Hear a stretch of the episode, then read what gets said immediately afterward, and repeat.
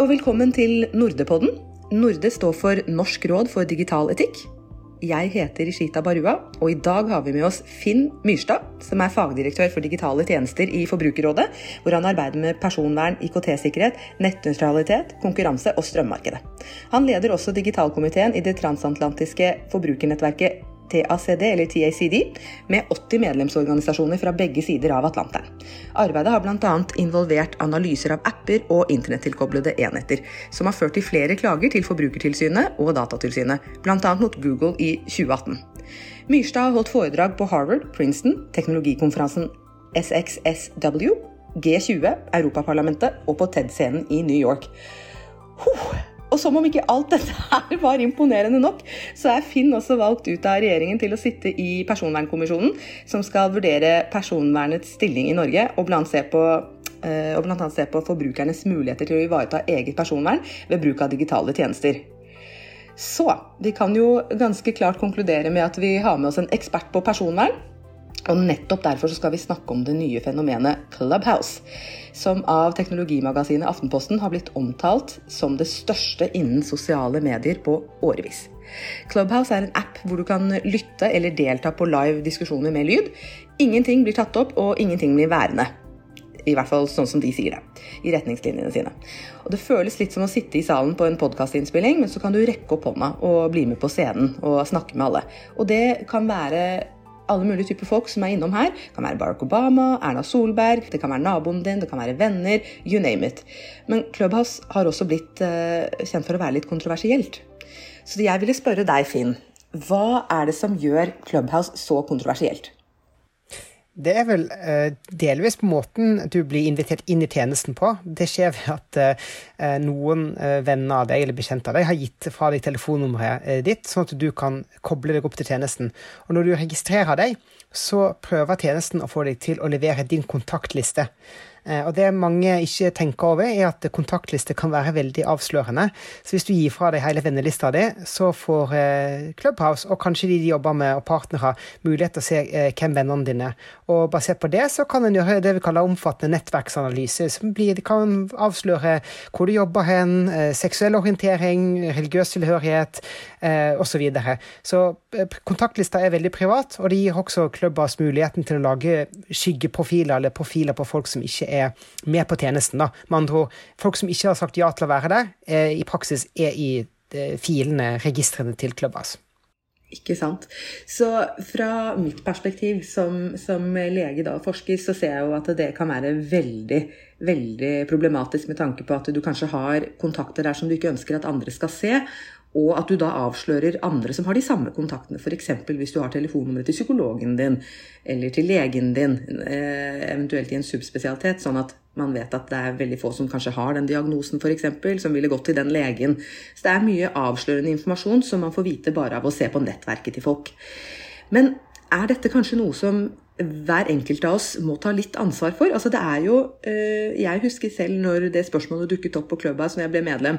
Ønsker du å dele telefonnumrene i kontaktlisten din, eller ønsker du å dele kontaktlisten din? Og da betyr jo det at folk har en mulighet til å si nei. Burde vi ta større personlig ansvar? Både ja og nei. Altså Til en viss grad er det viktig at vi tar inn over oss at vi har noe vi kan gjøre noen ganger for å passe på personvernet vårt. F.eks. Uh, og ikke dele kontaktlista vår. Men det er nok ikke like intuitivt for alle på hvorfor de skal, ikke skal gjøre det. Uh, det kan at de stoler på klubber. Så I Norge har vi stor tillit til digitale tjenester. Og vi tenker ja, ja, jeg, jeg tipper det er en seriøs tjeneste. Vi bor i Norge, alt er strengt regulert. Og så uh, handler du i god tro. Um, og det er der jeg kom over at um, Og i tillegg da, så bruker jo også tjenester ofte hva skal vi si, manipulerende design, uh, manipulerende innstillinger, som gjør at du lett kan komme i skade på å trykke på deling for av kontakter, eller f.eks. lokasjon, da, som er en annen veldig sensitiv uh, informasjon som mange apper har veldig lyst på. Så vi må ha selvfølgelig litt digital dømmekraft. Men en må også legge ansvar over på selskapene og holde de ansvarlige. Her vil jeg tørre å påstå at Clubhouse bryter loven ved at de så aggressivt prøver å samle inn kontaktlistene til folk. Ikke sant.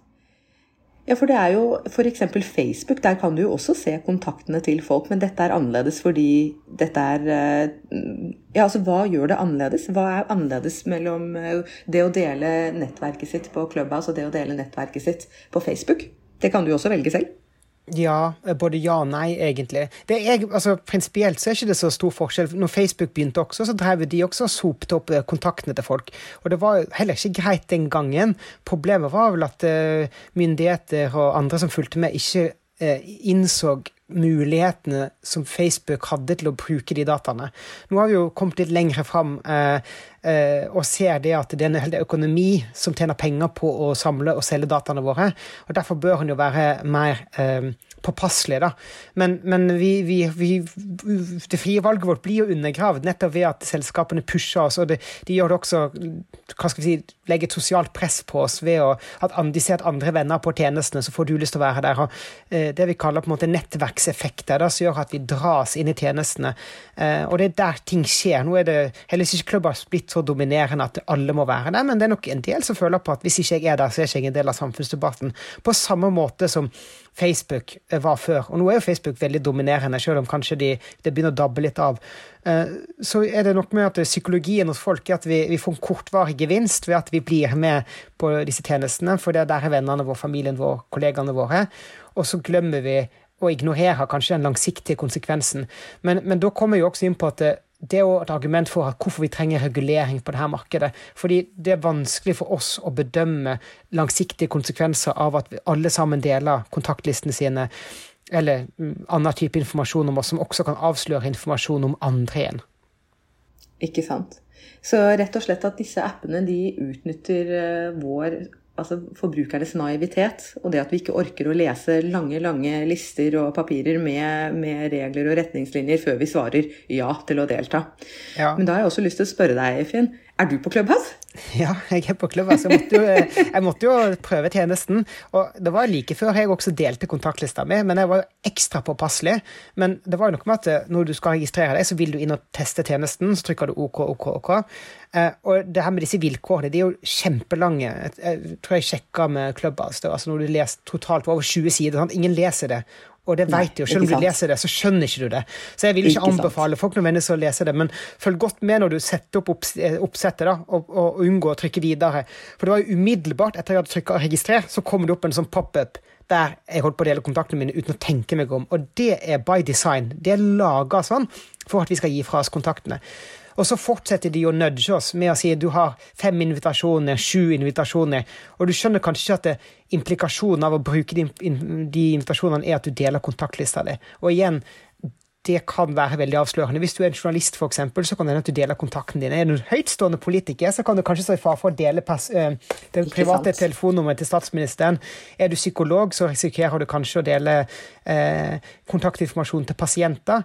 Uh, og da kan det bli synlig for andre igjen som gjør analyser av disse, og, og, forstå hvem er det som går til psykologen, hvem er det som eh, er i kontakt med den advokaten, f.eks.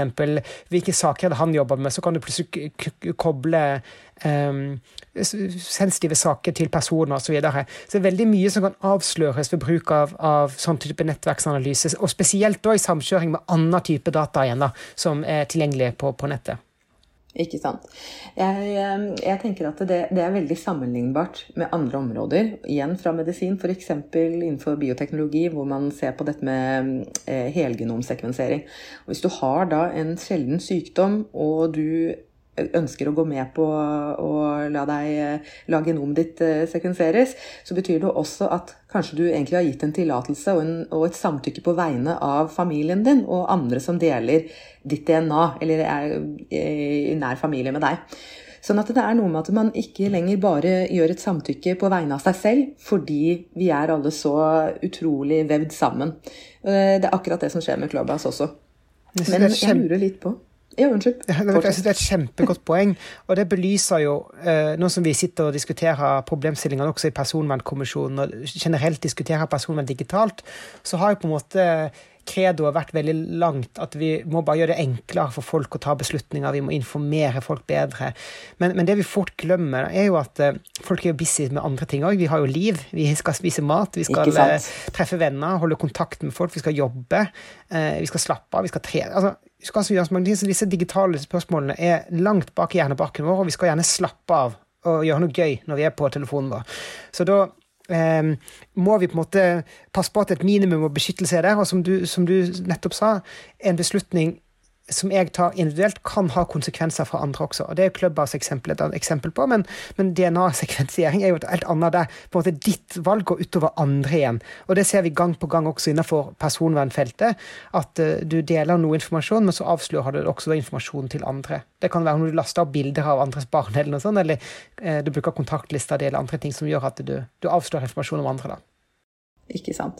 Nei, vi ser det Altså, det er sikkert enda flere områder som vi ikke kommer på akkurat nå, men det er generelt et eh, Vi er på vei inn i et samfunn hvor eh, nettopp dette med deling av data, persondata, om det er eh, om helse, eller om det er om hvilke preferanser vi har, hva vi liker å se på på Netflix, det deles. Og det deles uavhengig av om du selv ønsker det, eller om din venn eller familie ønsker det, fordi at de da, uten å vite det, ubevisst gir et samtykke på vegne av deg. Men da lurer jeg litt litt på dette med Clubhouse, at det er blitt så populært nå. Kan, har de fått litt drahjelp av pandemien? For dette er jo en, en app som bruker Altså, de bruker bare lyd. Eh, de bruker ikke video, f.eks. Ikke bilder. Hvordan skulle Clubhouse ha klart å gjøre seg eller bli så store ellers? Eh, er det naturlig å tro at de har fått litt drahjelp fra pandemien? Ja. Det tror jeg. Jeg tenker det er jo helt ideelt eh, sånn sett et nettverk, fordi du, du, slipper å vise hvor du sitter hen, du slipper å tenke på at du må gre håret, du kan sitte hvor som helst, eh, du kan komme i kontakt med ukjente. Og det er jo liksom det positive med Clubhouse, er jo eh, så, no, så, lenge at alle har tilgang på det, da, noe som ikke var tilfellet i starten, da det bare var tilgjengelig på iPhone f.eks., så er det jo et, et medium som legge til rette for brei deltakelse potensielt. Da. Og det er jo veldig fint og hva skal vi si, en mer demokratisk deltakelse. Men så er jo problemet selvfølgelig disse personverntingene og, og en del andre De har fått mye kritikk for en del andre personvernbrudd også, knytta til både sikkerhet og til hvordan det, det, blir gjort opptak. De bare slettes etter en viss tid uten at det er nøyaktig definert når de gjør det. Eh, I tillegg er det noen servere plassert i Kina som en del stiller spørsmål til. og, eh, og sånn så og at vilkårene på ingen måte er i tråd med, med regelverket. Så det er nok en del eh, de må bli bedre på. Men jeg håper jo at de kan rydde opp i det, for det, det er jo kanskje et velkomment eh, sosialt nettverk som kanskje mange ønsker å være på. da. Ikke sant? Ja, for hva, hva, kan man gjøre som forbruker eh, for at klubba skal endre praksisen sin? Kan man skrive til dem, eller kan de få bot? Det er jo andre som får bøter. Ja, De har blitt klagd inn allerede i Tyskland for brudd på lovene. og um, Litt avhengig av når det her blir sendt, så ble det nå i begynnelsen av mars også sendt en klage til, uh, på GDPR knytta til um, at de ikke svarer raskt nok på henvendelser. Det henger nok sammen med at de har fått en haug med nye brukere. Men du har krav som forbruker eh, bruker av, til å både få dataene dine sletta. Du kan sende en henvendelse 'jeg vil ha dataene mine sletta', 'jeg vil ha kontaktlista mi sletta'. Eh, og du har klart, krav på at de skal ha rette informasjon om deg. Så du har en masse rettigheter som du kan håndheve. Og det, det anbefaler jeg folk uansett å sette seg inn i. Eh, og vi har en del sånne kontroller som en kan bruke generelt på apper.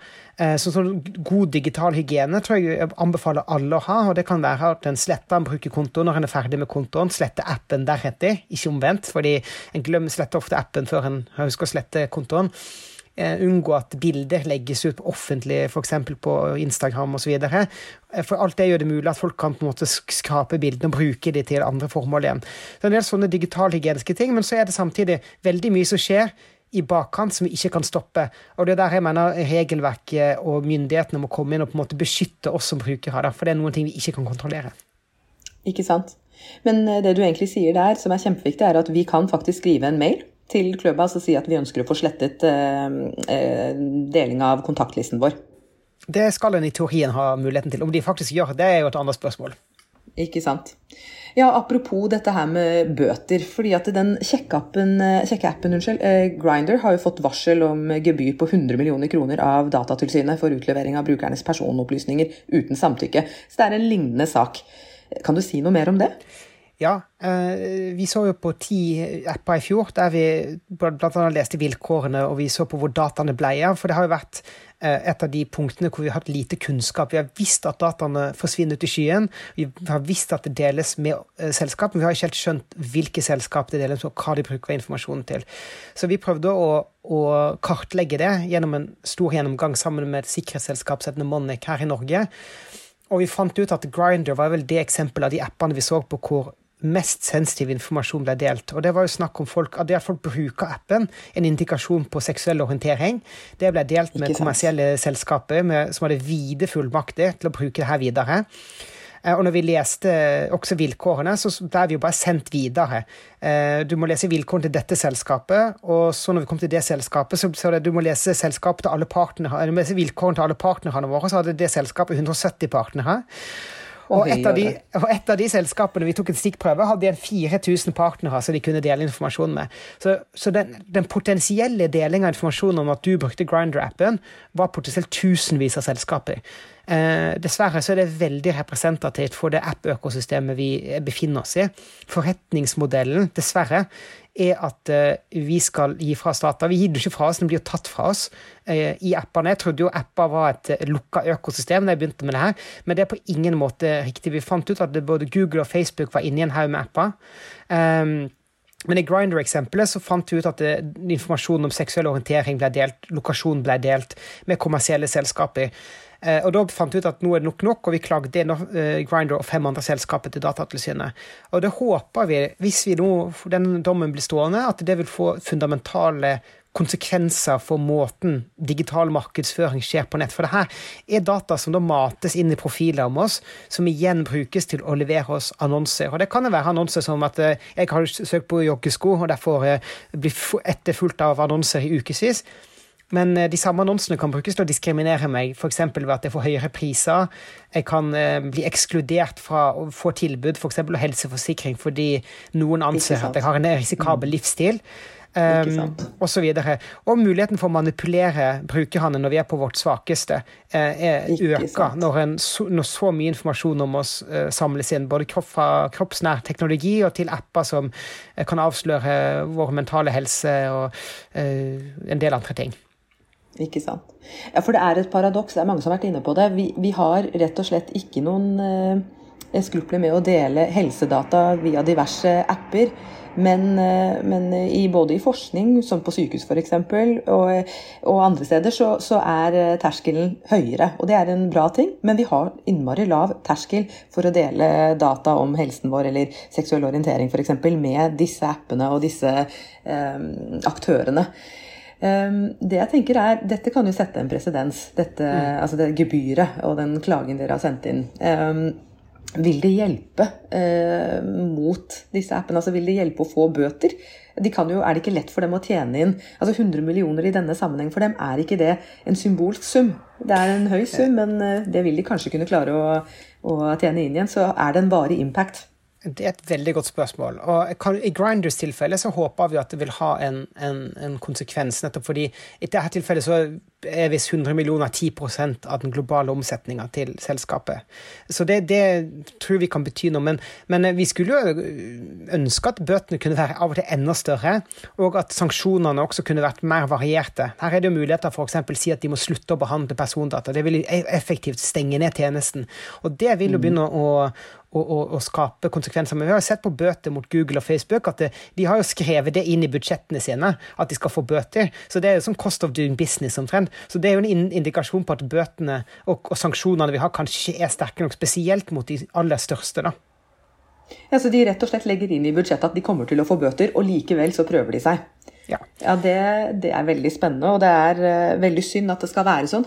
Jeg tenker jo også at det, det, det betyr jo også at vi hele tiden er uh, At vi ligger etter. At teknologien og det, er, så det sier jo veldig mange at teknologien bare er i en rivende utvikling, og så kommer vi etter med regelverk eller retningslinjer. Er det noen måter å komme dette eh, Altså angripe det bedre på? Har du noen forslag til hva man kunne gjort for at man neste gang det kommer ut en app, eller det, burde vi ha et regelverk for dette her? Ja, altså, vi, vi, håper jo at vi har et regelverk. Vi tror jo, vi prøver å bruke eh, både forbrukerlovgivning og personvernlovgivning, men, men det er klart det at noe, noe som vi får økt bruk av kunstig intelligens, f.eks., og det blir tatt automatiske beslutninger om oss eh, i kundebehandling, i eh, en rekke dagligdags situasjoner til ganske store, f.eks. knytta til lån, knytta til eh, skatt og avgifter og en del sånne ting. Eh, så er det kanskje viktig med enda bedre regler knytta til eh, gjennomsiktighet. Hvordan ser algoritmene ut? Hvis jeg får en nei på, la oss si på en lånesøknad, da, så skal jeg ha krav på å vite um, hvorfor jeg fikk nei. Og så at jeg skal ha krav på å vite at det kanskje er klageadgang. I dag, gjennom GDPR, f.eks., de personvernreglene vi har, så er det et handlingsrom som gjør at det er opp til selskapet å bestemme om beslutninger de tar for meg, har stor konsekvens for meg som bruker. Eh, hvis de mener at den har stor konsekvens for meg, så skal jeg ha krav på klageadgang. Men det er jo en veldig sånn subjektiv vurdering de gjør. Så jeg skulle ønske at vi hadde enda strengere regler knytta til algoritme. Eh, også F.eks. For i forhold til revisjon av algoritmer. Eh, forklarbarhet av algoritmer. Så nå kommer EU med et lovforslag i løpet av våren knytta til kunstig intelligens. Så der håper jeg jo vi kan få inn eh, gode regler. Så er jo heller, selvfølgelig debatten rundt etikk i digital tjeneste kjempeviktig å ha, for det er jo det som på en måte er grunnlaget også for personverndiskusjonen, er jo eh, etikken som ligger bak. Uh, så vi må på en måte diskutere etikk, og så må vi diskutere hvordan kan vi da lage, basert på hva vi mener er etisk riktig, hvordan lager vi et regulatorisk eh, rammeverk som er godt, og som også er framtidsretta. Eh, og da tar jeg sånne kontrollmekanismer En skal ikke forby kunstig intelligens, på noen måte, det er mange fordeler med det, men en må få inn kontrollmekanismer som gjør at vi ikke ender opp der vi har vært nå de siste 20 åra, vil jeg si, at eh, der algoritmene i større og større grad bestemmer over livet, og vi har veldig lite egen makt til å kunne bestemme og ta kontrollen over. Og der håper jeg vi, vi kan bevege oss i en riktig retning framover. Det er jeg helt enig med deg, og det er vi også veldig opptatt av i Norde. Da er vi kommet så langt at vi må avslutte denne poden her. Tusen tusen hjertelig takk til våre lyttere, og tusen takk til deg, Finn. Dette var en utrolig fin samtale. Det håper jeg også våre lyttere synes. Vi eh, rakk ikke mer i dag, men eh, vi kommer tilbake med flere podkastepisoder fra Nordes. Det er bare å følge med. Takk skal dere ha. Tusen takk.